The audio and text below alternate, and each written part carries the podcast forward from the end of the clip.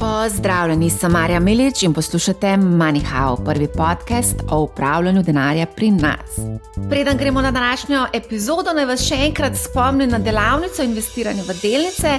Sestavljena je iz treh modulov, vsak modul obsega več ur vsebine in vsak modul se tudi zaključi z borzno igro MoneyHow DD, ker predstavimo vse od poslovnih rezultatov, bluči pa do analiz, ki jih pripravi analitik in potem seveda tudi od pasivnega in aktivnega vlagatelja eh, in njihovega procesa za odločanje za investicijo. Več vsebini na www.mani-how.com. O razborljivem dogajanju na obvezniškem trgu se bom pogovarjala s povratnikom na MoneyHow, Blažem Hribarjem, članom uprave pokojninske družbe A. Zdravo. Lep pozdrav, hvala za povabilo. Um, Vidim, da imaš eh, nek nov imič. ja, Zdaj sem opazila. Brada mi raste. Vse zgodi, vse zgodi, vse zgodi čez uh, dolga poletja. A to na stara leta, polarata, tako se se hecam. Ja, Se se ja, na hecam. stara leta. Ja. Na stara leta. V glavnem, v bistvu sploh ima samo dilemi, s katero temo v bistvu sploh začeti. Danes smo imeli um, aukcijo zakladnih menic, itak ni noro dogajanje na obvezniškem trgu, pa vojna, ne? Na zadnje, ja. ko Ja. smo se pogovarjali, se mi zdi, da smo se ravno pogovarjali, ko je bila obletnica. Uh, prvega obletnica invazije na Ukrajino, se spomniš? Tako da, a gremo mogoče se dotakniti tega, kar se zdaj trenutno dogaja, um, kako to lahko vpliva na kapitalske trge, zdaj nekih premikov nismo videli v zadnjem času, odkar se je v bistvu vse skupaj to začelo. ne? Izrael oziroma Gaza se je zgodila ta vikend, ne, ta teden, uh, kljub temu, ko vsi vidimo, kako grozno, kako, kako res nečloveško je vse skupaj dogajanje bilo ne, in še je. Ne. Um, pa vseeno, kapitalski trgi so kapitalski trgi, tam so delnice, naložbe, torej dejansko gospodarstvo po celem svetu. Ne. In te naložbe se odzivajo glede na to, kako ima posamezen dogodek vpliv na to konkretno podjetje, na to konkretno, recimo, posojilo oziroma obveznico, torej dolžniško razmerje. Ne.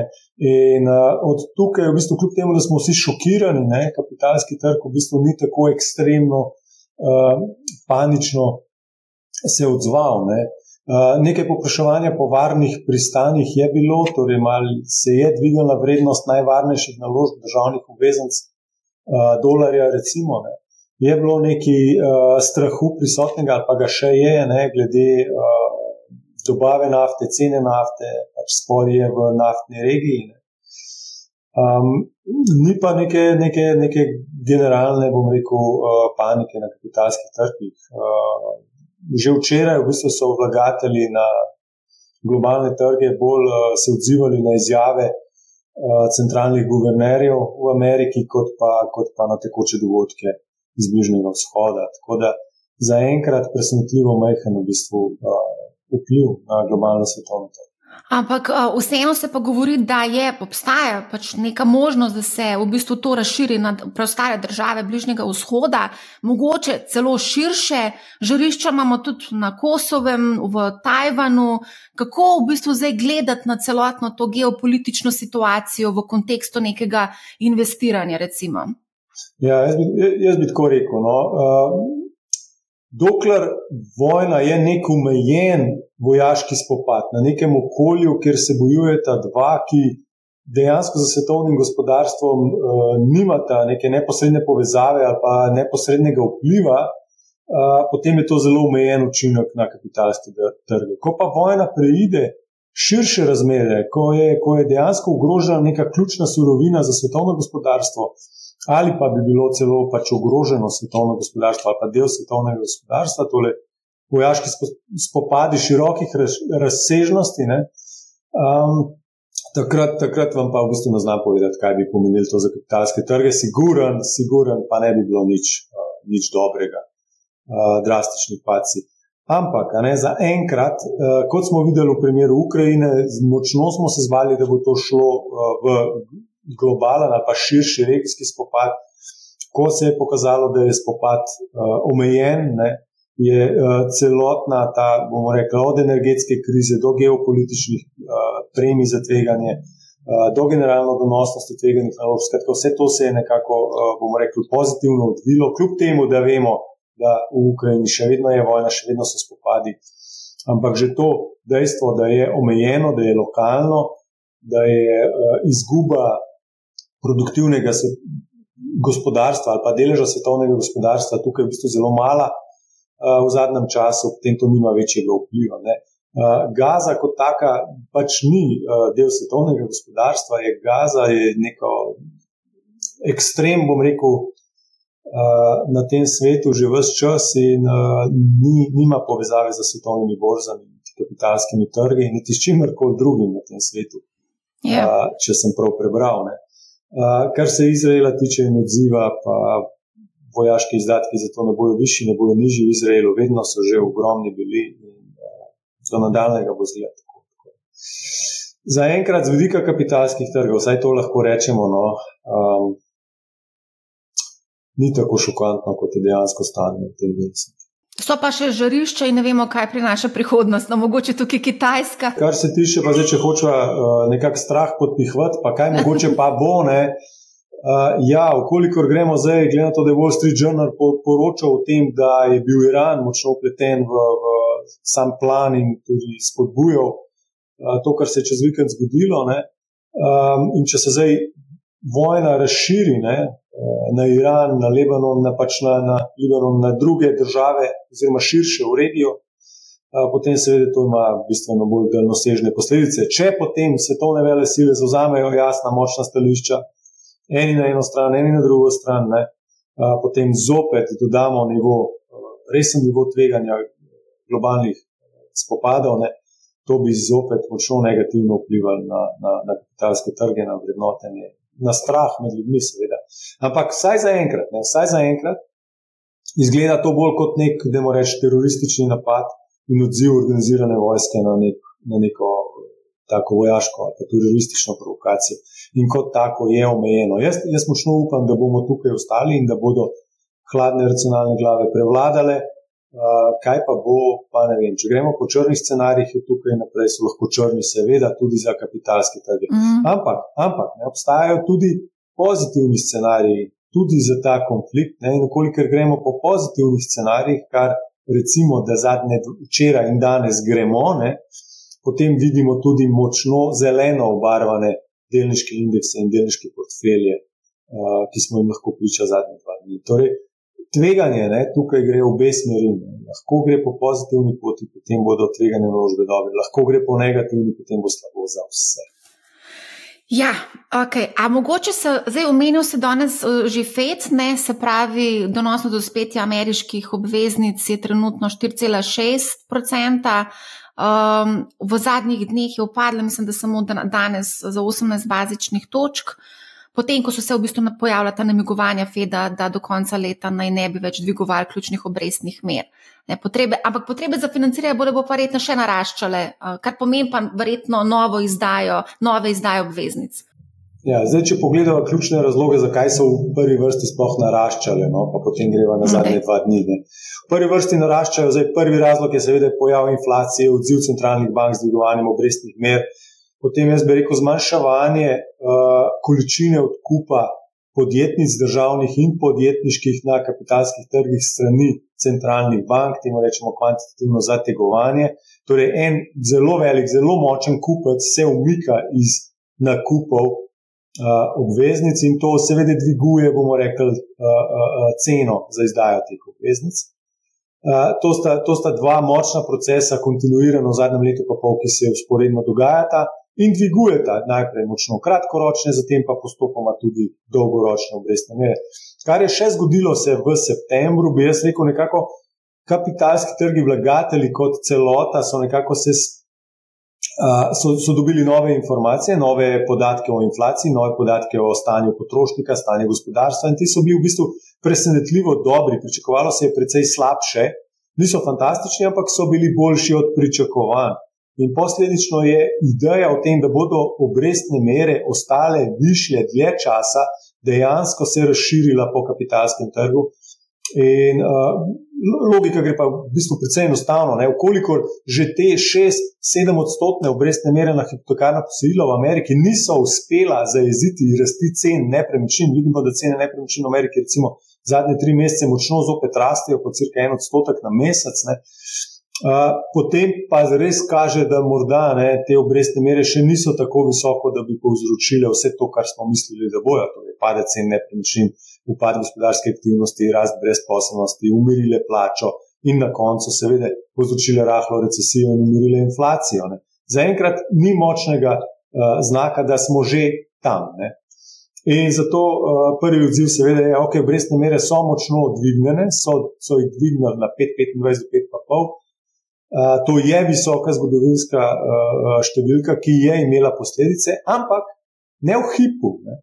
Nekaj časa bo minilo, preden bojo te više obrestne mere se razlile po gospodarstvu, preden bo vsak od nas recimo, prišel do potrebe po dolžniškem financiranju ali pa po refinanciranju v primeru podjetja, obveznic, dolgov in tako naprej. Torej, ni v trenutku, ko centralna banka dvigne obrestno mero, to uh, zaznano pri vseh tistih, ki imajo posojila, ali pa pri vseh tistih, ki imajo uh, depozite. Ne. In tukaj je ta zamik, uh, ta zamik močno prisoten, in v, v teh podatkih je precej jasno, da uh, je, je kako živ v bistvu ta zamik, da ni to teoretičen koncept, ampak da dejansko nekaj časa. Torej, leto, leto pa pol traja, da se te više obrestne mere dejansko potem poznajo v gospodarstvu, in da uh, potem lahko centralni bankiri razglasijo zmago in uh, morda celo zopet, uh, morda malo znižajo. Ravno danes sem brala, da nekateri pa menijo, da bi mogoče te obrestne mere lahko dalj časa ostale z nami, temu pravijo higher forever.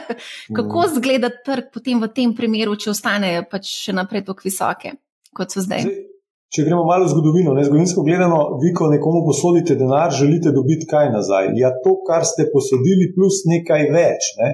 In zdaj, če ste mečkan dojemljivi za koncept inflacije, potem temu dodate, da ja, okay, če posodim za deset let, potem želim dobiti nazaj to plus inflacijo, to pomeni, da sem imel enako kupno moč, sem dobil nazaj plus nekaj malega. Ne. In zdaj ta nekaj malega se lahko kregamo, je ta številka, ampak zadnjih deset let, do nedavnega, je bila ta številka v Evropi negativna. Ne? Torej, vi ste se strinjali nekaj časa celo, da boste dobili manj nazaj, nominalno v evrih, kot ste pa posodili slovenski državi ali pa nemški državi, kar nekaj časa, tudi za deset let. Ne? Potem je bila številka pozitivna, ampak še vedno nižja od pričakovane inflacije. Ne? In šele v zadnjem času, v bistvu v Evropi, torej v Nemčiji, smo prišli zdaj nekako na številko nič cela pet odstotka plus inflacija nosi desetletna nemška inflacijsko zaščitena obveznica.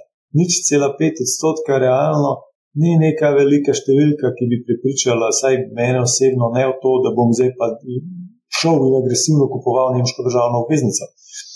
Pri ameriški so dlje, oni so bolj agresivno prej uh, začeli z dvigovanjem. In tam je 2,4 odstotka ta številka. Torej, njihova desetletna državna obveznica ali navadna, ali inflacijsko zaščitena vam nudi inflacijo plus 2,4 odstotka, navadna vam pa nudi 2,4 plus pričakovano inflacijo, ki je tudi nekje okrog 2,4-2,5 te dni. Ne. In a, torej, a so zdaj te obrestne mere visoke? Če dobite nič cela 5 odstotka realno ali pa 2,4 odstotka realno v Ameriki, zgodovinsko gledano niti ne. V Ameriki so se približali, bom rekel, rahlo restriktivnim nivojem ali pa nekim normalnim nivojem. Jaz, jaz vedno, ko sem neko osnovno logiko tukaj iščem, razmišljam o tem, da ja, 2 odstotka na leto je pa že lepo, če človek eh, dobi za to, kar posod nekomu 10 let denar. Ja, zelo varno, ampak nekaj pa le mora biti. Ne? In uh, zdaj v Ameriki smo nekje tam. Ne? In zato, ker smo na tem, kar je bilo zgodovinsko, neko povprečje v bistvu, ali neka normalna številka bi se jaz kar strinjal s to, s, to, s to izjavo, da morda pa smo na higher for longer. Če se primerjamo z zadnjih deset let, ko smo bili pa v bistvu ekstremno nizko zaradi ekstremne politike, denarne, fiskalne in regulatorne. Skratka, potem, ko so propadle največje banke, smo šli vso tiste. So tiste vrčevalne ukrepe in vse, vso regulativo in vse tisto, kar smo dali čez od leta 2009 naprej. In od tu naprej, eh, če gremo v normalne čase, če rečemo, da je to normalizacija iz te ekstremne politike, potem ja, potem neka normalna inflacija ne bi znašala okrog 2 odstotka, neka normalna premija na to inflacijo, torej obrestna mera realna, pa tudi 2 odstotka. Ne? In potem smo pri nekih 4 odstotkih. Neke normalne, bi rekel, dolgoročne obrestne mere za zelo varno naložbo. Ne? In to je nek zgodovinsko dejstvo. Zgodovinsko dejstvo ni, da posodite državi denar za deset let, pa dobite manj nazaj. Um, in tudi, če je to zelo varna država, kot ameriška. Zdaj, ko govoriš normalno, je kaj normalno v zadnjih, ne vem, zadnjih ne vem kolikih letih. Ne, ne? Normalnost, normalnost je neka, bom rekel, medijana, ne? vse ostalo se pa giblje močno nad njo ali yeah. Ja. močno pod njo. Ne? Tako da v našem poslu potem govorimo statistično gledano o odklonih, mislim o odklonu od aritmetične sredine, medijane sredine na standardnih odklonih. Ne? In tu smo pa vedno znova presenečeni, kako močni odkloni so možni. So možni. Ja, ne, ni mhm. normalno, ni normalno. Vsi ti premiki, ki smo jim pričali, niso. Um, danes sem poslušala en podcast, ker je v bistvu bila debata o tem, kaj naj zdaj mali človek naredi. Ma več opcij. Ena od opcij je, opcije, da pač noč ne narediš, ne? ta druga opcija je pa, da daš denar na banko v Ameriki, ki ti ponujajo 5% in več.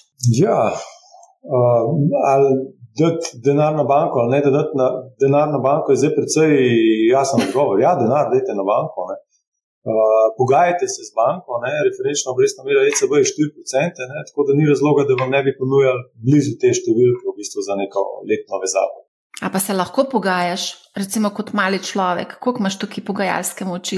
Mislim, zanj tako malo iz čiste radovednosti sem čist pogooglal, kakšne so številke na internetnih straneh slovenskih bank in ne boste verjeli, so zelo, zelo različne. Ne. Kljub temu, da je do 100 tisoč evrov, ne v bistvu z vidika garancije, posem vseeno, kjer je banki v Sloveniji posodite, ker imate za sabo potem garancijo uh, slovenske države. Ne. Torej, enak, bomo rekli, uh, končni, končni uh, garant. Tako da, ja, je važno, mislim, niti ne, da se pogajate, ampak važno je, da greste na več bank in vprašate, uh, uh, kakšna je cena. Ne si konec koncev tudi za vem, liter sončničnega olja, ne, se te težko pogajali v Hofru, ne, ampak lahko greste pa še v Lidl, pa v Merkator, pa v Tuš, pa tako naprej pogledati, kje je ceneje. Ne. In da pač kupite, kje je najcenejše. Tako da, ja, depoziti definitivno so se vrnili kot neka alternativa, vista sredstvom. Ja. Um, čeprav jih imamo 26 milijard in se mi zdi, da tudi se nekako išče. Imamo vista in depozitov. Ne? Jaz predvidevam, da se bo zdaj ta tehnika hitro premikala proti uh, vezavi. Ko bojo banke nekako ponudile tri in več odstotne obrestne mere na vezavo, uh, mislim, da bo to dovolj velika spodbuda, da se proces, ki smo mu bili priča zadnjih 15 let, torej povečevanje vista sredstev, zmanjševanje depozitov, obrniti. Uh, uh, Zdaj, ker moram hitro skočiti naprej na zakladne menice, ker je bila danes ravno au, aukcija ne? in smo se pogovarjali s številnimi pač brokerji, ki pravijo, da je vse več zanimanja med malimi vlagatelji tudi za zakladne menice. Konec koncev se pa tudi rola oglas um, o tem, da pač kupite zakladne menice. Uh, videli smo na prejšnji aukciji v septembru, da je država sprejela ponudbo v višini 3,15 odstotka za 3 mesece, 3,5 odstotka za 6 mesecev, 3,69 odstotka za 12 mesecev. Kar neki ne, tega, um, kar taki zanimivi, recimo, temu neki neka ponudba. No? Ja, to je pač logična posledica tega, da, da dražbe zakladnih menic so primarno bile mišljene za institucionalne vlagatelje ne? in tam se pač sprememba denarne politike v bistvu zelo hitro pozna. Ne? In seveda je država mogla ponuditi konkurenčne obrestne mere pokojninskim skladom, zavarovalnicam, bankam in tako naprej, vzemnim skladom. Medtem ko banke niso bile odzivne tako hitro. Ne? In so še kar nekaj časa držali obrestne mere nizke, oziroma take, kot so jih imeli, nič ne. In posledično pač je logično, da ljudje ob enakem tveganju, zopet, zopet oboje, je, oboje je v bistvu garancija slovenske države. Uh, vidijo, da je bolj pametno kupiti nekaj po 3,5, ne, kot pa vezati na banki po nič cela 8, kar je bilo do nedavnega. Recimo govorijo lahko o fizičnih osebah, podjetjih ali pa pokojninskih skladih. Recimo tudi pri nas za pokojninski sklad smo letos spomladi, v bistvu prvič po dolgih, dolgih letih, kupili kakšen državni dolžniški papir, to je zakladnic. A ste danes sodelovali v tej aukciji? Oddali smo naročilo. Ste oddali naročilo, mislim, da smo. Kaj, kako smo bili uspešni? Ob dveh bo vas vedla. Ob dveh bo vedela. Okay. Okay, glavno, mogoče, Uživajo. Mogoče lahko, saj še tukaj poveva, da mali vlagatelji lahko v bistvu od začetka junija trgujejo z državnimi zakladnimi novicami in obveznicami na Ljubljanski borzi, ampak potrebno je imeti pa odprt trgovalni račun pri kateri koli banki ali pa borzno-posredniški. Mečka energije je treba vložiti. Ja. Malo mal več energije, kot pa, kot pa samo za depozit. Je pa res, da najverjetneje tudi vaš bankir ali pa njegov sodelavec lahko odpre trgovalni račun. Kaj pa je z davki? Mislim, da je obdavčeno po 25-odstotni stopni. Mislim, da je za fizične ja, osebe. Za fizične. Če govoriva zdaj za institucionalce, je enaka davčna obravnava, torej pokojninski sklad, recimo, kot zanimivost, nima, nima uh, obdavčenih obresti na slovenske državne vrednostne papirje. Uh, torej, ne zakladne menice na obveznice, ne v bistvu tudi na dividende. Um, kar se pa tiče fizičnih oseb, pa ja, koliko vem, je 25-odstotna obdavčitev, edini za depozit so izuzete fizične osebe do 1000 evrov obresti. Torej, depoziti imajo nek poseben status v slovenski folklori, kulturi in tudi zakonodavčni zakon. Mislim, da je kar nekaj takih produktov, ki imajo neko posebno obravnavo davčno. Tudi pokojninski skladi so med njimi. Drži, drži, pokojninski skladi z vidika preferiranja tega, ne, ampak v Sloveniji se že zdaj kar nekaj let pogovarjamo, tudi politiki, ne, torej zakonodajalec, ne, da jih čudi, zakaj ljudje imajo tako veliko denarja na vista sredstvih, da ga ne investirajo in tako naprej. Ne. Uh, jaz bi rekel, da del razloga je mogoče tudi v davčni politiki. Ne, ker, ko rečete, da je ta naložbena kategorija, torej depozit, ki je hkrati zelo enostavna, udobna za uporabnika, ne, tudi neobdavčena, ne, potem jaz ne bi bil preveč presenečen, ne, če, če, če je tudi zelo popularna v širši javnosti. Ja, menda, da se za neki pogovarjajo, da bi davčno bolj ugodno bile te zagladne menice in druge obveznice. In druge investicije. No? Meni se to zdi povsem logično. Ne? Oziroma, ne razumem, zakaj depoziti ja, zakladne menice ali pa državne obveznice ali pa podjetniške obveznice, pa ne, mislim, ne razumem. Dobro, tu moramo zdaj počakati, ker so to samo govorice in neka špekulacija, tako da ne vemo, kaj bo z tega. Ampak, recimo, kako angažirati teh 26 milijard, na ena, eden od načinov je tudi državljanska obveznica, ki smo se mi dva par dni nazaj pogovarjali. Tvoja reakcija ni bila prav preveč navdušujoča. Ne, mislim, eh, zdaj, državljanska obveznica se že sliši vem, čudno. No, Mogoče ljudska, narodna imajo Hrvati. Leti, to so marketinški prijemi, no, tako da jaz bi rekel obveznica, državna obveznica. Jaz že 20 let plus pač delam to, kar delam ne, in uh, spremljam državne obveznice in ta ne bo nič drugačna. Razlika bo samo to, da bo ponujena, izredno ponujena pač malim vlagateljem. Ne. Že zdaj lahko mali vlagatelji kupijo državne obveznice. Drugi, Problem je bolj v tem, da je to kot produkt kot, uh, bom rekel, ja, kot produkt narejeno za institucionalne vlagatelje, torej za večje zneske. Uh, je pa že do zdaj, pač lahko ste ravno tako kot za zakladne munice uh, naročili uh, banki, božnemu posredniku, uh, da za vas kupi državne uh, papirje, torej državne obveznice. Težava je verjetno bila pa tem, da bi on rekel, da veste, to pa se spet, to pa delamo samo za 100 tisoč in več zneski. Um, Kar je pozitivno tukaj, je, da zmanjšajo, prilagodijo torej velikost uh, apoena, torej, uh, da lahko tudi vsak posameznik kupi to morda za 5, 10, 20 tisoč evrov, ne, da ni nujno številka nekih 20 tisoč evrov in da ni neke preference za mednarodne velike vlagatelje, kot smo pa tudi videli v nedavnih primerih, ne, ko izdajo tako imenovane privatne izdaje za specifične posamezne vlagatelje. Ne, ne vem, ali je to prava pot, ali ni, ali je res ta prava cena, ali ni. Jaz bi si bolj želel, da ponudijo pač, kar izdajajo vsem, ki želijo to kupiti. To je običajno najučinkovitejše, tudi iz vidika tistega, ki izdaja, torej najcenejše. Zdaj govoriš kot predstavnik pokojninskega sklada, kot institucionalc, ampak ja, to so bile prakse. Ali pa blaš hriber fizično osebo. Ja, Plaš Hriber, fizična oseba, verjetno bi mu bilo čisto v redu, če bi dobil neko, neko premijo na obveznico od države. Verjetno, Mislim, če bi imel možnost dostopa, ne, tako kot imam Blaž Hriber, eh, član uprave pristojen za naložbe v pokojninskem skladu, ne, eh, dostop do te naložbe, ne, eh, da bi imel podoben do, dostop recimo, do, kot Blaž Hriber, fizična oseba.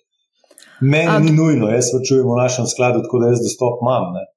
Ampak um, tudi mi imamo dostop. Pa ne vidim tako super. Res, nekje sem se. 60 tisoč vsi... ljudi, 60 tisoč ljudi vrčijo v naših skladih, tako da številni imajo dostop.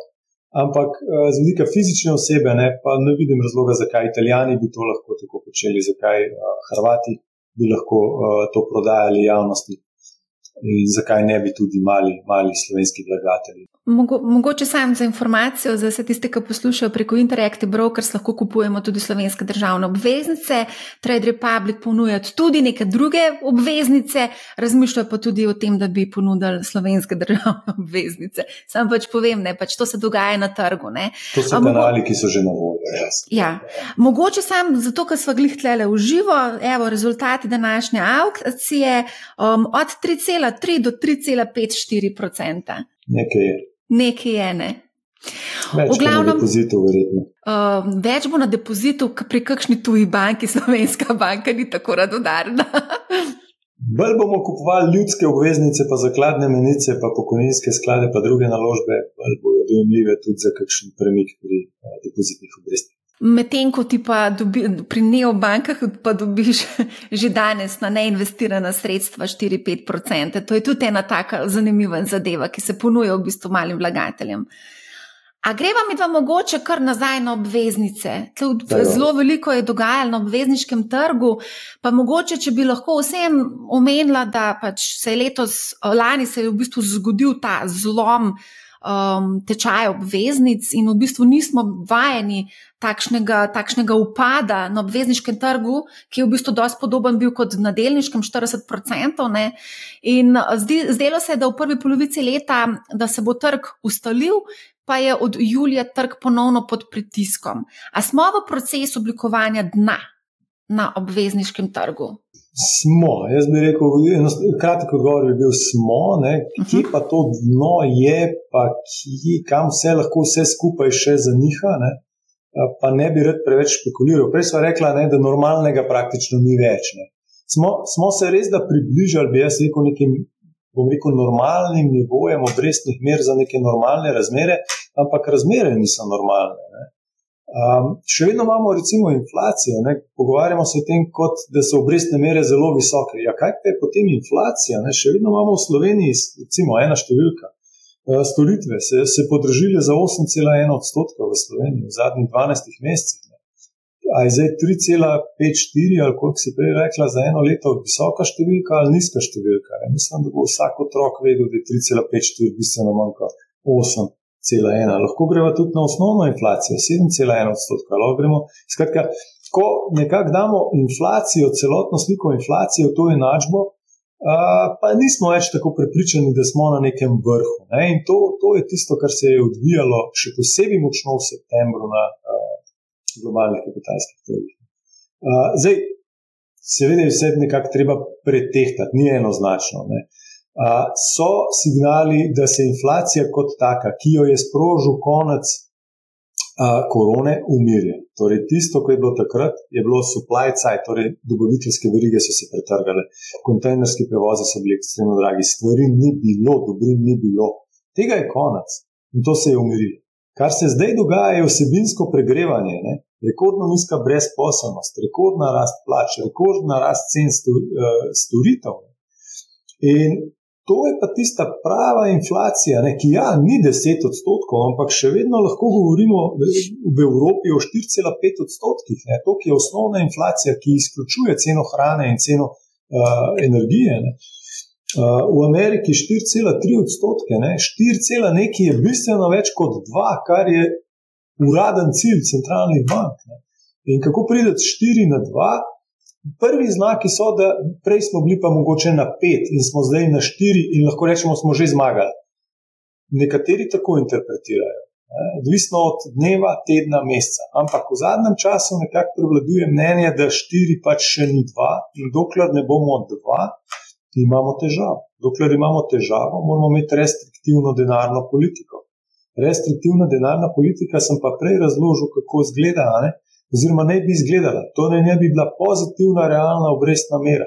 Zaenkrat so rahlo pozitivne, minimalno pozitivne v Evropi, pa mečkam bolj pozitivne v Ameriki, daleč od kakšnih zelo restriktivnih nivoju, po, moji, po naši oceni. Torej, a smo blizu? Po idealnem scenariju smo blizu, torej, da se inflacija kot taka, ki je bila posledica ponudbe, umiri, inflacija, ki je pa posledica pregrevanja, torej na strani povpraševanja, kar imamo zdaj, tudi čemu smo zdaj bili priča, ali pa smo priča trenutno, se bo pa umirjala postopoma zaradi že izvedenih dvigov obrestnih mer in pritiska prek tega kanala na gospodarstvo. To bi bil idealen scenarij za centralne bankirje. Podatki iz meseca v mesec pa enkrat malo nagnejo v eno smer, enkrat pa v drugo smer. Ampak, če sem čisto iskren, vrka ne, zadnji let podatki vedno nagnejo to, da ja, nismo še čistem. Obrestne mere bomo še malo zvišali, ali pa jih bomo dlje časa držali na povišenem nivoju. Praktično vsak mesec, ko pride nova serija podatkov, smo malo prehiter mislili, da smo že a, a, a, nazaj v, v bistvu neinflacijskem okolju in v tistem, tisti normali pred korono. Jaz se pa bojim, da ta normala pred korono se ne bo vrnila, razloga sta pa v bistvu um, dva. En je čisto enostavno energetska kriza. Ne? Lani jeseni smo bili priča, cene so poletele v nebo za vso energijo. Od takrat se je zadeva drastično umirila, ampak ne na nivoje izpred energetske krize. Elektrika je trikrat do štirikrat dražja v Evropi, Nemčiji, recimo, kot glavni industrijski velesili, kot pa pred korono. Ne? In um, tudi plin, recimo, je še vedno tri do štirikrat dražji. Ne? Torej, neka vhodna surovina, ki je zelo pomemben sestavni del končne cene, praktično vsega, ne? energija, je tri do štirikrat dražja in to, to je nekako treba, bom rekel, prebaviti, predelati čez gospodarstvo, dvigovati cene, spremeniti razmerja cen in tako naprej. In to je, to je naporen proces. In nisem pripričan, da je že končan. To je eno. Drugo, je pa enostavno um, trošenje držav. Uh, ameriška država ima ekstremno visok proračunski primankljaj, čez 6 odstotkov, ali 7 odstotkov, bonitetna hiša, mislim, da Fiči je že znižala bonitetno oceno na osnovi tega pred meseci. Um, tako da imamo hle eno tako ekstremno ekspanzivno fiskalno politiko in ko država zelo troši, ne, uh, je velika verjetnost, da boste imeli tveg, skratka, povzroča tveganje inflacije, oziroma višja verjetnost, da bo inflacija višja, kot pa bi si želeli. In trenutno živimo v takem okolju. V Ameriki, konkretno, lahko to gremo na gospodarsko politiko, v Evropi smo pa zaznali zdaj drastične spremembe pri tem, kako pomembna je energija, torej se drastično veča pomen. Samo oskrbe z energijo, torej investicije v cel energetski sektor, zopet država ne gleda na to, kakšna ima fiskalna pravila, ampak da zagotovi nujno, kar ona ocenjuje, da je nujno, torej energijo, zeleni prehod in tako naprej. In, in tudi vidimo, da so se politiki v bistvu nekako navadili trošiti, no, čisto iskreno. Da. Ko pride do težave, ne, pa je to energetska kriza, je to hrana je draga, je to gorivo je drago, a je to. Um, Kar, a je to naravna nesreča v bistvu v Sloveniji v zadnjem času? Ne? Država nima težave s tem, da močno poviša izdatke, ker je tako nujno. Ne? V redu, vse razumem, tudi kapitalski trgi to razumejo. Je pa dejstvo, da ko država troši, ne, se viša tveganje inflacije. In tako jaz, ob vsem tem, kar se v Sloveniji dogaja, recimo, ima Slovenija eno najvišjih uh, inflacij v evroobmočju in sklepam, da bo še nekaj časa tako. Razlog je pa ravno odziv države ne, na, na, na, na naravno nesrečo oziroma na, na, na izzive, ki, ki, ki, ki jih ima naša družba. In potem, ko pride do državnega trošenja, se to valjda, seveda prelevi v više cene. Ja, um, zadnja ocena je bila 10 milijard, skoraj 10 milijard evrov, ne bi bila ocenjena škoda. ja, v redu. Ja, jaz mislim, da nismo v tej pravi branži, ne, da bi mogla zdaj zamenjati posel in iti v zaključna dela v gradbeništvu. mislim, ali pa tudi plaš, mogoče, mogoče se pa te več denarja dali zaslužiti, kot pa z upravljanjem premoženja. Jaz mislim, Glede. da v naslednjem obdobju, v zadnjem času, pa v naslednjem obdobju predvsem. Pa še rekel si, da so se storitve prodržile za 8%, oziroma da imamo inflacijo ne, na tem področju, tako da le, to bo šlo sam še gorne. Tako da se nam, da se nas čaka, v bistvu, če bomo renovirali stanovanje, kar precej velik strošek. Rekordno nizka brezposobnost v Sloveniji. Torej, ja. Če sem prav prebral, septembra najnižje, najnižje število prijavljenih na Zavod za brezposobnost, odkar Slovenija obstaja. Ne. Kljub vsem strahovom, tegovam, težavam, ki smo jim pričali v zadnjem letu, ne, je posledica različnih pač dejavnikov, to, to je dejstvo. Ne, go, tako da meni men to deloma kontrira, kontrira vsem tistim črnim scenarijem. Ljudje smo močno odporni in uh, države so začele trošiti, in uh, ljudje so šparali, imajo denar. In na neki fazi so se odločili to potrošiti, in smo spremenili čisto vrčevalno, gorensko mentaliteto, bom rekel, ne, od 2009 do 2023, pa 2021 do korone. No.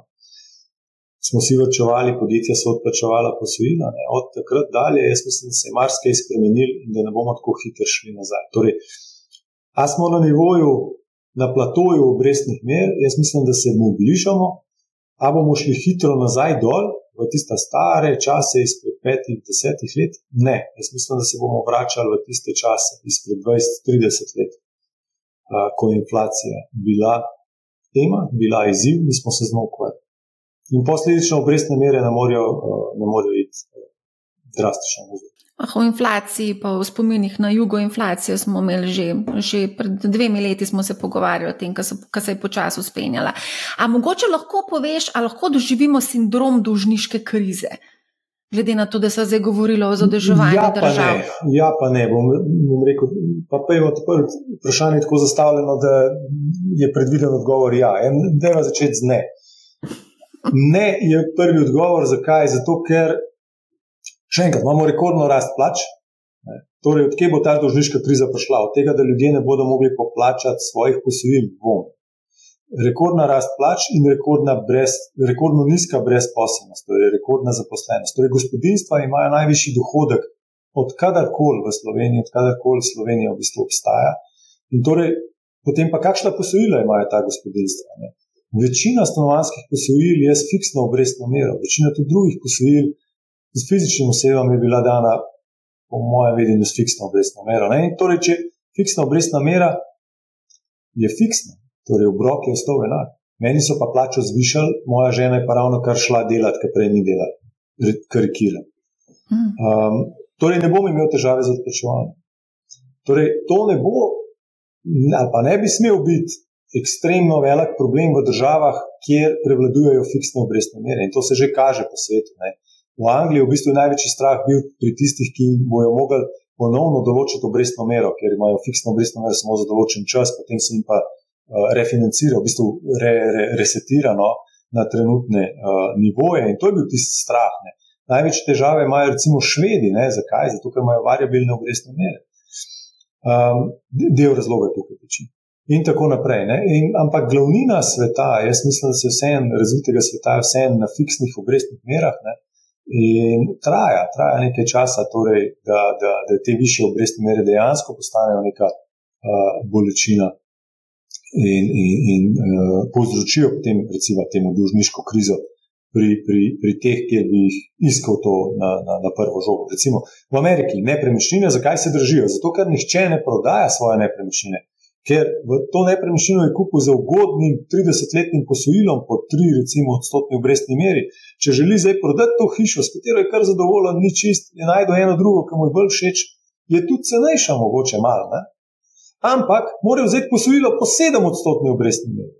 In ko to ugotovi, seveda ugotovi, da je v bistvu tista nepremičnina druga, bistveno dražja, oziroma da se mu ne splača seliti. In potem upadajo transakcije, a hkrati zrastejo močno cene uh, nepremičnin. Ne? In to se zdaj, recimo, v Ameriki dogaja, deloma tudi, bi rekel, mogoče tudi v Sloveniji. Uh -huh. uh, tako da eno, ni enoznačnega odgovora. Zakaj ja? To je, to je odgovor, zakaj ne. Zato, ker je potrošnik, ljudje, gospodarstvo v dobrem uh, stanju, ne? v dobre kondiciji. Um, zakaj ja? Zato, ker mala in srednja podjetja, obrtniki, nimajo posojil s fiksno obrestno mero, imajo pa večinoma posojila za variabilno obrestno mero, za obratni kapital in tako naprej. ali so to variabilne obrestne mere ali pa kratkoročna posojila.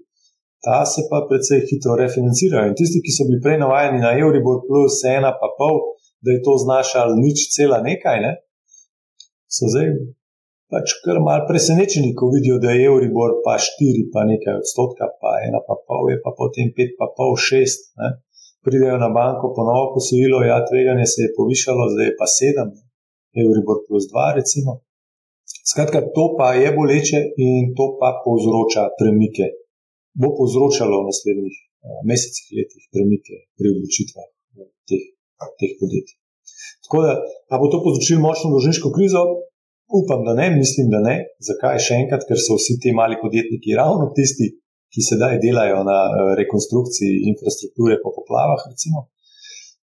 In računam, da bojo pač dve malo manj profitabilni iz tega naslova in da bomo tisti, ki smo aktivni na dužniškem trgu, torej v našem primeru, kupujemo obveznice, bolj nagrajeni za naše prevzete tveganje.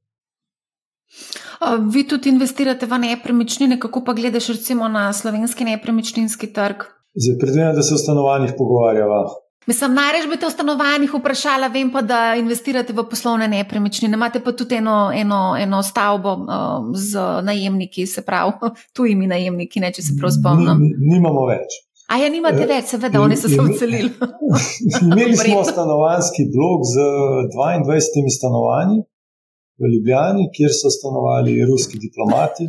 Njih so izgnali, mi smo imeli prazno stavbo in smo se odločili stanovanja prodati. Stanovanja smo zdaj uspeli prodati, vsa. In zadeva je z tega vidika. Komu ste pa prodali stanovanje? Fizičnim osebam. Razno raznim. Kdo je želel kupiti stanovanje, je lahko prišel in pač kupil. A se vam je ta investicija v to stavbo obrestovala vam kot investitorju? Da. In to je to pika. Mislim, Kakšna je bila poprečna donosnost? Eh, zdaj, ravno, ravno danes moram podpisati pogodbo za zadnjo stanovanje in čakam potem končen izračun. Ampak, dajmo reči, torej, sproti smo dobivali lepo dividendo, eh, dividendo najemnino, dokler so bili najemniki v stavbi, od takrat smo potem prenovili in prodali. Številke so vem, od milijona pa pol naprej. Na, dajmo reči, 30 odstotkov je zrasla cena stanovanj v tem obdobju torej od 2018, 2019 do 2022, 2023, torej smo to razliko. Uh, tudi mi toliko dražje prodali stanovanja. Uh, dodatni razlog za to, da je bil posel za nas uspešen, je bil pa, da smo kupovali na veliko, ne? torej kupili smo v bistvu 20 stanovanj, 22 potem na koncu in prodajali stanovanje po stanovanje, kar je povezano tudi z delom. Se pa seveda strošek vzdrževanja, verjetno tukaj ni ukalkuliran v teh 30 odstotkih. Uh, v bistvu je, ampak uh, še enkrat lahko se sliši v jutri, pa uh, razkrijem Excel tabelice z natančnimi izračuni. Wow. Ampak, ampak donosi so daleč nad, daleč, daleč nad v tem obdobju drugimi naložbami. Ne? V tem obdobju obveznice so bile katastrofalna naložba, še posebej dolgoročna. Uh, v, v, v tem primeru stanovanja ne, pa so realno premoženje, ne, zato jih konec koncev inflacija v bistvu ni načela in zato so ohranile, pa še dodale k privlačnosti, že tako, bom rekel, slovenskih. Slovenskih nepremič, uh, naložbenih krogih. No. Ja, stanovanja so se izkazala kot inflacijska zaščita, uh mhm. -huh. oziroma so se izkazala kot nekaj, kar je funkcija gospodarske rasti, brezposelnosti uh, v nekem okolju, v neki državi, in brezposelnost je nizka, gospodarska rast je solidna, in cene stanovanj niso padle.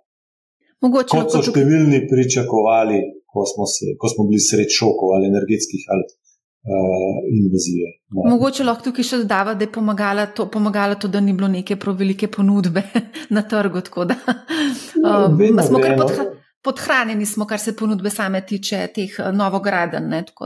Stanovanja so dobesedno takoj razprodana, ko pridejo na trg. Mm, okay. Mislim, v zadnjem času se ne gradi zato, ker številni pričakujejo, da cene ne bojo več rasle, oziroma da ni takega več popraševanja, ker so se stanovanska posojila močno podražila. Ne. Tako da vse, vse to je med seboj, bom rekel, povezano. Ceteris paribus analiza, to je samo eno spremenljivko spremeniti, boste prišli do zelo napačnih zaključkov. Uh, recimo, taka očitna napačna je bila, da Rusija je šla v Ukrajino, vojno imamo, ojoj, recesija, ojoj, stanovanja bo izgubila 30% vrednosti. Temu ni bilo tako in to zdaj vidimo. Enako velja, u, inflacija je, recesija se bo zgodila, vsi bomo, bomo imeli stečaje, bo brezposelnost, stanovanja se bojo pocenila. Tudi to se ni zgodilo. Konkretno, recimo v Sloveniji lahko rečemo, da je v bistvu stanovanja so bila v bistvu inflacijsko zaščitena, recimo, ampak v Nemčiji imamo pa zdaj deset odstotni upad recimo cen uh, stanovanj oziroma nepremičnin. In tukaj smo se tudi vprašali, a se lahko podoben scenarij zgodi tudi pri nas, kar je v bistvu bolj mm, ja, teoretično vprašanje. Do neke, do, neke male, do neke male mere se je zgodilo, no, jaz bom čisti iskreno povem, ko ko je, bila, ko je bila energetska kriza na vrhuncu, nihče ni kupoval stanovanj, takrat se je dejansko je za, za nekaj časa zamrznil nepremičninski trg, ne, po našem uh, opažanju.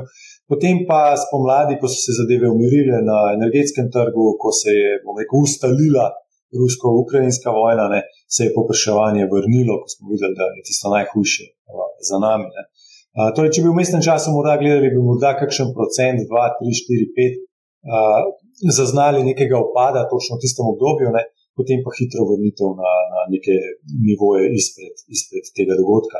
Uh, kar se Nemčije tiče, je uh, zanimivo, da Nemčije, z Nemčijo se jaz, tež, mislim, težko se primerjati z Nemčijo, če si iskreno, ne, ker niso šli čez to, kar smo mi šli leta 2009 do 2012, oziroma 2012, pa potem cela bančna in taka kriza in takrat prisilne razprodaje. Uh, tudi nepremičnin bančnih in uh, podjetij iz tečajev in tako naprej, ekstremno visoke brezposobnosti, tudi ljudje niso mogli plačati posil. Nemčija takrat čez to ni šla v tej obliki ne? in ljudje so tam še vedno nepremičninam v bistvu govorili uh, beton gold, oni imajo izraz. Ne? Torej, v bistvu vrčuješ v betonu, ne? zlatem betonu. Ne? In uh, oni so pripeljali to do ekstremov, no? torej ekstremno nizka donosnost nemške državne obveznice, torej negativna, je pripeljala res tudi do ekscesov na njihovem nepremičninskem trgu, torej drastičnih podražitev. Ne. In to, kar zdaj v bistvu vidimo, je nek mali zametek, če me vprašate, neke normalizacije. To je eno. Drugo, Nemčija je v veliko večji krizi kot pa Slovenija ali pa preostala Evropa. Ne. Nemčija je močno, ekstremno močno odvisna bila in še vedno je od ruskega plina. Je industrijska, industrializirana država in ta potrebuje ekstremne količine energije. Ne. In energija je prihajala, poceni energija je prihajala iz ruskega plina, ta plin je zdaj trikrat, štirikrat dražji, ker ga sedaj dobavljajo Norvežani, Američani in tako naprej, ker more priti po morju, ne po uh, plinovodu iz časa Sovjetske zveze. In tukaj imajo oni močen en izziv, drug močen izziv imajo pa pri tem, da, kot opažam tudi po Ljubljani, je zdaj bolj moderno imeti električen avto kot pa nek dizel uh, motor v svojem Volkswagenu. Ne in da tukaj so, imajo velike, velike, bom rekel, izzive in spopade. Torej, oni so v bistvu edina G7, torej največjih sedmih držav na tem svetu, ki jim je IMF za letos napovedal, ne nam je sklad napovedal, rahlo recesijo. Ne. Torej, rahla recesija gre pa še kako skupaj z rahlim upadom cen nepremičnin, ne, ko uh, gremo gledati povezavo med gospodarstvom in cenami nepremičnin. Potem pa dodamo še više obrestne mere in tako naprej, pa se ja, slika skristalizira na teh minus, uh, verjetno minus 10 odstotkov. Ni, ni, ni, pa to, ni pa to enoznačno. Lahko vrnem žogico za Kanado, lahko vrnem žogico za Ameriko, lahko vrnem žogico za Švedsko. V vseh teh, vseh teh državah imaš precejšno rast cen nepremičnin zadnjih mesecih. Je pa tudi res, da je Slovenija zelo odvisna od nemškega trga in zdaj, ko omenjaš mednarodni denarni sklad, ne, zanimivo je napovedal Sloveniji um, pač, uh, rast slovenskega BDP-ja za dva odstotka, da bo hitreje rasel. Uh, pa za svet so napovedali, malce poslabšali so napoved. Da, ja. ma, ma, malce za hec, malce pa za res. Uh, največji izvozni trg, sodeč po izvoznem oknu, torej statističnem uradu naše države ni Nemčija, ampak je Švica. A, pride pa to v bistvu od ene tovarne zdravil, leka, praktično večina. A, tako da morda je ta pomen nemške avtomobilske industrije res ogroman pri srednje velikih podjetjih slovenskih. Nima pa velikega vpliva recimo za slovensko farmacevtsko industrijo, ki je velik, ki ima ogromen doprinos dodane vrednosti, plači, standardov v naši državi. Recimo kot primer. Tako da, ja, smo odvisni od Nemčije, ne, ampak eh, očitno ne tako zelo. Mhm. Kako pa zdaj, se, se veš, zelo dolg čas se že govori o recesiji, bo, ne bo, zdaj res že dolg čas čakamo, kaj je z to recesijo, kaj se s tem ja, dogaja. Jaz, jaz, jaz bom priznal, da sem pričakoval bolj resne izzive kot posledice energetske krize, ne, tiste cene. Po 400-800 evrov za megavat za, za elektriko so bile nenormalne in bi povzročile res ogromne težave, ampak so se, hvala Bogu, hitro umirile na zdajšnjih 120. Ne. In ko se je ta zadeva, bom rekel, umirila, se je celotna slika z, z, z, z verjetnostjo recesije tudi umirila. Torej, ni recesije. Ni se zgodila, ker so se problemi tako hitro razblinili ali pa drastično zmanjšali. Tudi, če da pa pogledamo delniške trge, ne, letos lepi pozitivni donosi. Uh, pogovarjamo se o tem, uh, o, o 10-15 odstotnih donosnosti svetovnih delniških indeksov, odvisno od tega, kaj, kaj imamo sestavljeno in tako naprej. Vem, pogovarjamo se o preporodu tehnološkega sektorja, kjer neka Nvidia je potrojila svojo vrednost zaradi uh, navala na čipe za umetno inteligenco. Um, govorimo o rekordnem turizmu v Evropi, ki se je končno polno pobral po, po, po koroni. Ne? Govorimo v Ameriki tudi o, o novih službah, torej presenetljivo odpornem trgu dela, še posebej na področju turizma, uh, uh, gostinstva in tako naprej, torej tam, kjer so potrebni več človeški stiki. Ne. Tako da ekstremno težko je govoriti trenutno v, o recesiji, ne, ko pa imamo v Sloveniji vem, 12-odstotno plač, ko, ko, ko minister govori o 8,3-odstotnem povišanju pokojnin uh, naslednje leto in tako naprej. To, to ni, nimamo občutka, da smo v recesijskem okolju. Eh, saj ne v tistem pravem, ne, ko ljudje trpijo in imamo manj. Ne. Lahko pa rečemo, nam je zelo fantastično in nam bo malce manj fantastično. Če je to definicija recesije, potem smo lahko hitro v recesiji. Ne. Ampak tista prava recesija, kot sem, ko, ko meni rečete recesija, se spomnim na leto 2012, 2011, 2013 v Sloveniji. Ne. To je bila recesija. Ne. Nič od tega ni zaznati zdaj. Ja, takrat smo zelo dobro čutili to recesijo, ne? tudi v službi, ki smo prišli, ne pa so kašne objokani šli iz službe. Um, Dej za konec, mogoče sam še, da imaš še na svet za male vlagatelje, kako ravnati v tem okolju, ki je v bistvu polno neke negotovosti. Na eni strani, na drugi strani vidimo nore rasti delniških tečajev, vidimo nazdak 30% oziroma 28% letos predobu, imamo AI, hype, umetna inteligenca. Kam gremo, kako, kaj z, z denarjem?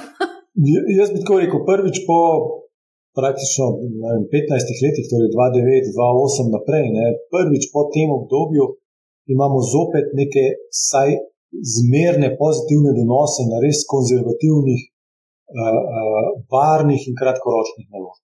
Te, temu nismo bili priča že vsaj, kot pravim, 15 let. In torej, v bistvu se je vse obrnilo na glavo v letu, pa pol. Če so prej depoziti imeli negativne donose, mi smo dejansko plačevali minus 0,8 odstotka za, za avista sredstva pokojninskih skladov, do nas ne pa kupujemo zakladne munice, po 3,5-4 eh, za eno leto.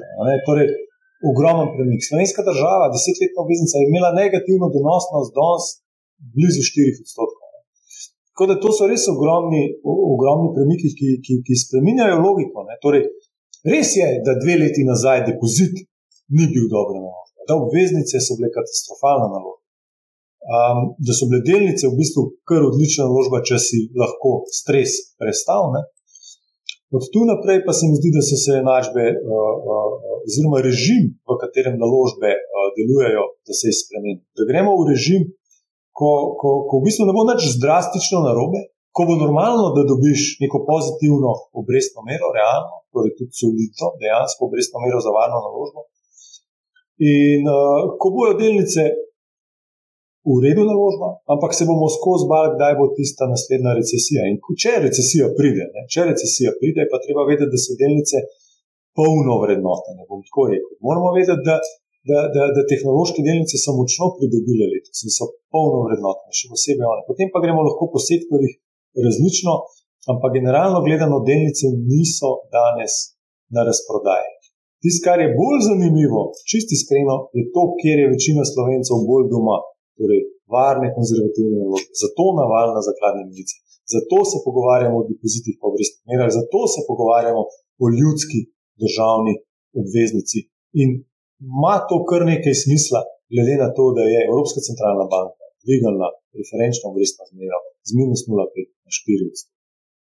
In ja, je spremenila marsikaj, vključno s tem, kako izgleda, kako privlačne so konzervativne, dolgočasne, varne naložbe. Čeprav te to dolgočasno, ne vem, če čist drži, no, mislim, čeprav za veznice mogoče marsikdo smatra kot za zelo dolgočasne, ampak moram priznati, da je bilo kar pestro v zadnjem času na obvezniškem trgu. ja, v bistvu dolgoročne obveznice, ne, kjer je bilo najbolj pestro septembra, ne, ko smo šli proti petim odstotkom državnih ameriških, pa proti čez tri odstotke, čez tri odstotke na 30-letnih nemških. Um, To je tvegana naložba. To je zelo tvegana naložba. Ne. Če gre neka obrestna mera na tako obveznico, torej tržna obrestna mera na vzgor, ne, drastično izgubljate na vrednosti. In obratno velja.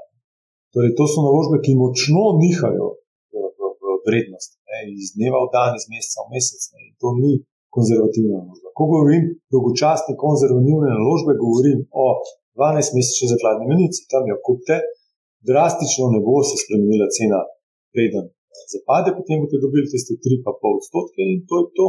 Vmes smo te en, eno leto kaj drugega počeli.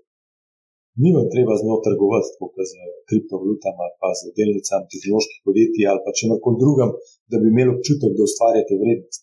Kupite, čakate, dobite nagrado za to, da niste zapravili. Pa, pa še malo davka plačati. Zopet, zopet uh, uh, malce bolj privlačen. Kar se tiče davčne obravnave, ja, smo pa zopet pri tem, da je treba se večkrat angažirati, malo malenkost se, si pustiti svetovati, pa se najdejo uh, morda malce bolj učinkovite uh, davčne rešitve. Ja, Blaž, najlepša hvala za odlično debato. Tisto, kar si mi še dolžen in boš jutri zvedel, je, kakšna je bila donosnost iz nepremičnin, ki ste jih uspeli prodati. 9.11. imamo nepremičninski dogodek, ker se bomo pogovarjali o aktualnem stanju na trgu nepremičnin in lahko v bistvu to informacijo delim. Z ljudmi. Ker a, problem pri nepremičninah, ko govorimo o investicijah, je to, da ljudje v bistvu se ne znajo izračunati tega, uh, donosnosti iz nepremičnin. Ne? Tako da to je ena taka zadeva, ki je mogoče, ne, je tudi zelo ločeno obravnavo. No? Ja, bistveno nižja bo, kot pa na prvo žogo bi ugibali. Morda ne v našem primeru, ker smo imeli srečo, da smo šli čez močno rast cen nepremičnin za časa korone, ne, ko so vsi iskali dodatno sobo, večjo teraso, atri in tako naprej in ko smo močno poskočili tudi uh, plače in privačevanje sredstva ljudi, ker smo vsi prisilno vrčevali. Um, ampak sicer ne, v nekih normalnih okoljih z izmerno rastjo, pa cene nepremičnin se odzivajo na gospodarsko rast, torej rast plač.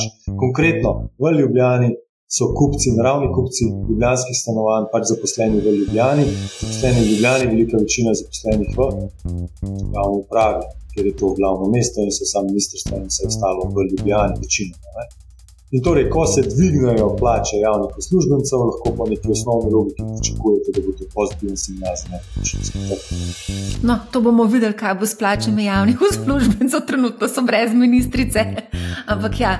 Mo, mo, močno, močno so porasle zadnje leto. So porasle, ja, ampak še očitno bojo, glede na to, da so sindikati tam že napreži in se želijo izboriti še više plače. Zdaj imajo pa tudi na drugi strani sogovornika finančnega ministra, tako da bomo videli, kaj bo skupaj z gospodarsko okolje, ki jim daje prav. Torej, rekordno nizko brezposelnost in uh, rekordno ja. pomankanje delavcev. To je res, ja. Blaž, tako kot vedno, užitek se bo s tabo pogovarjati. Najlepša hvala. Hvala, Marija, za povabilo, z veseljem. Hvala tudi vam. Poslušajte, manjhav, ne bo vam žal in lep pozdrav.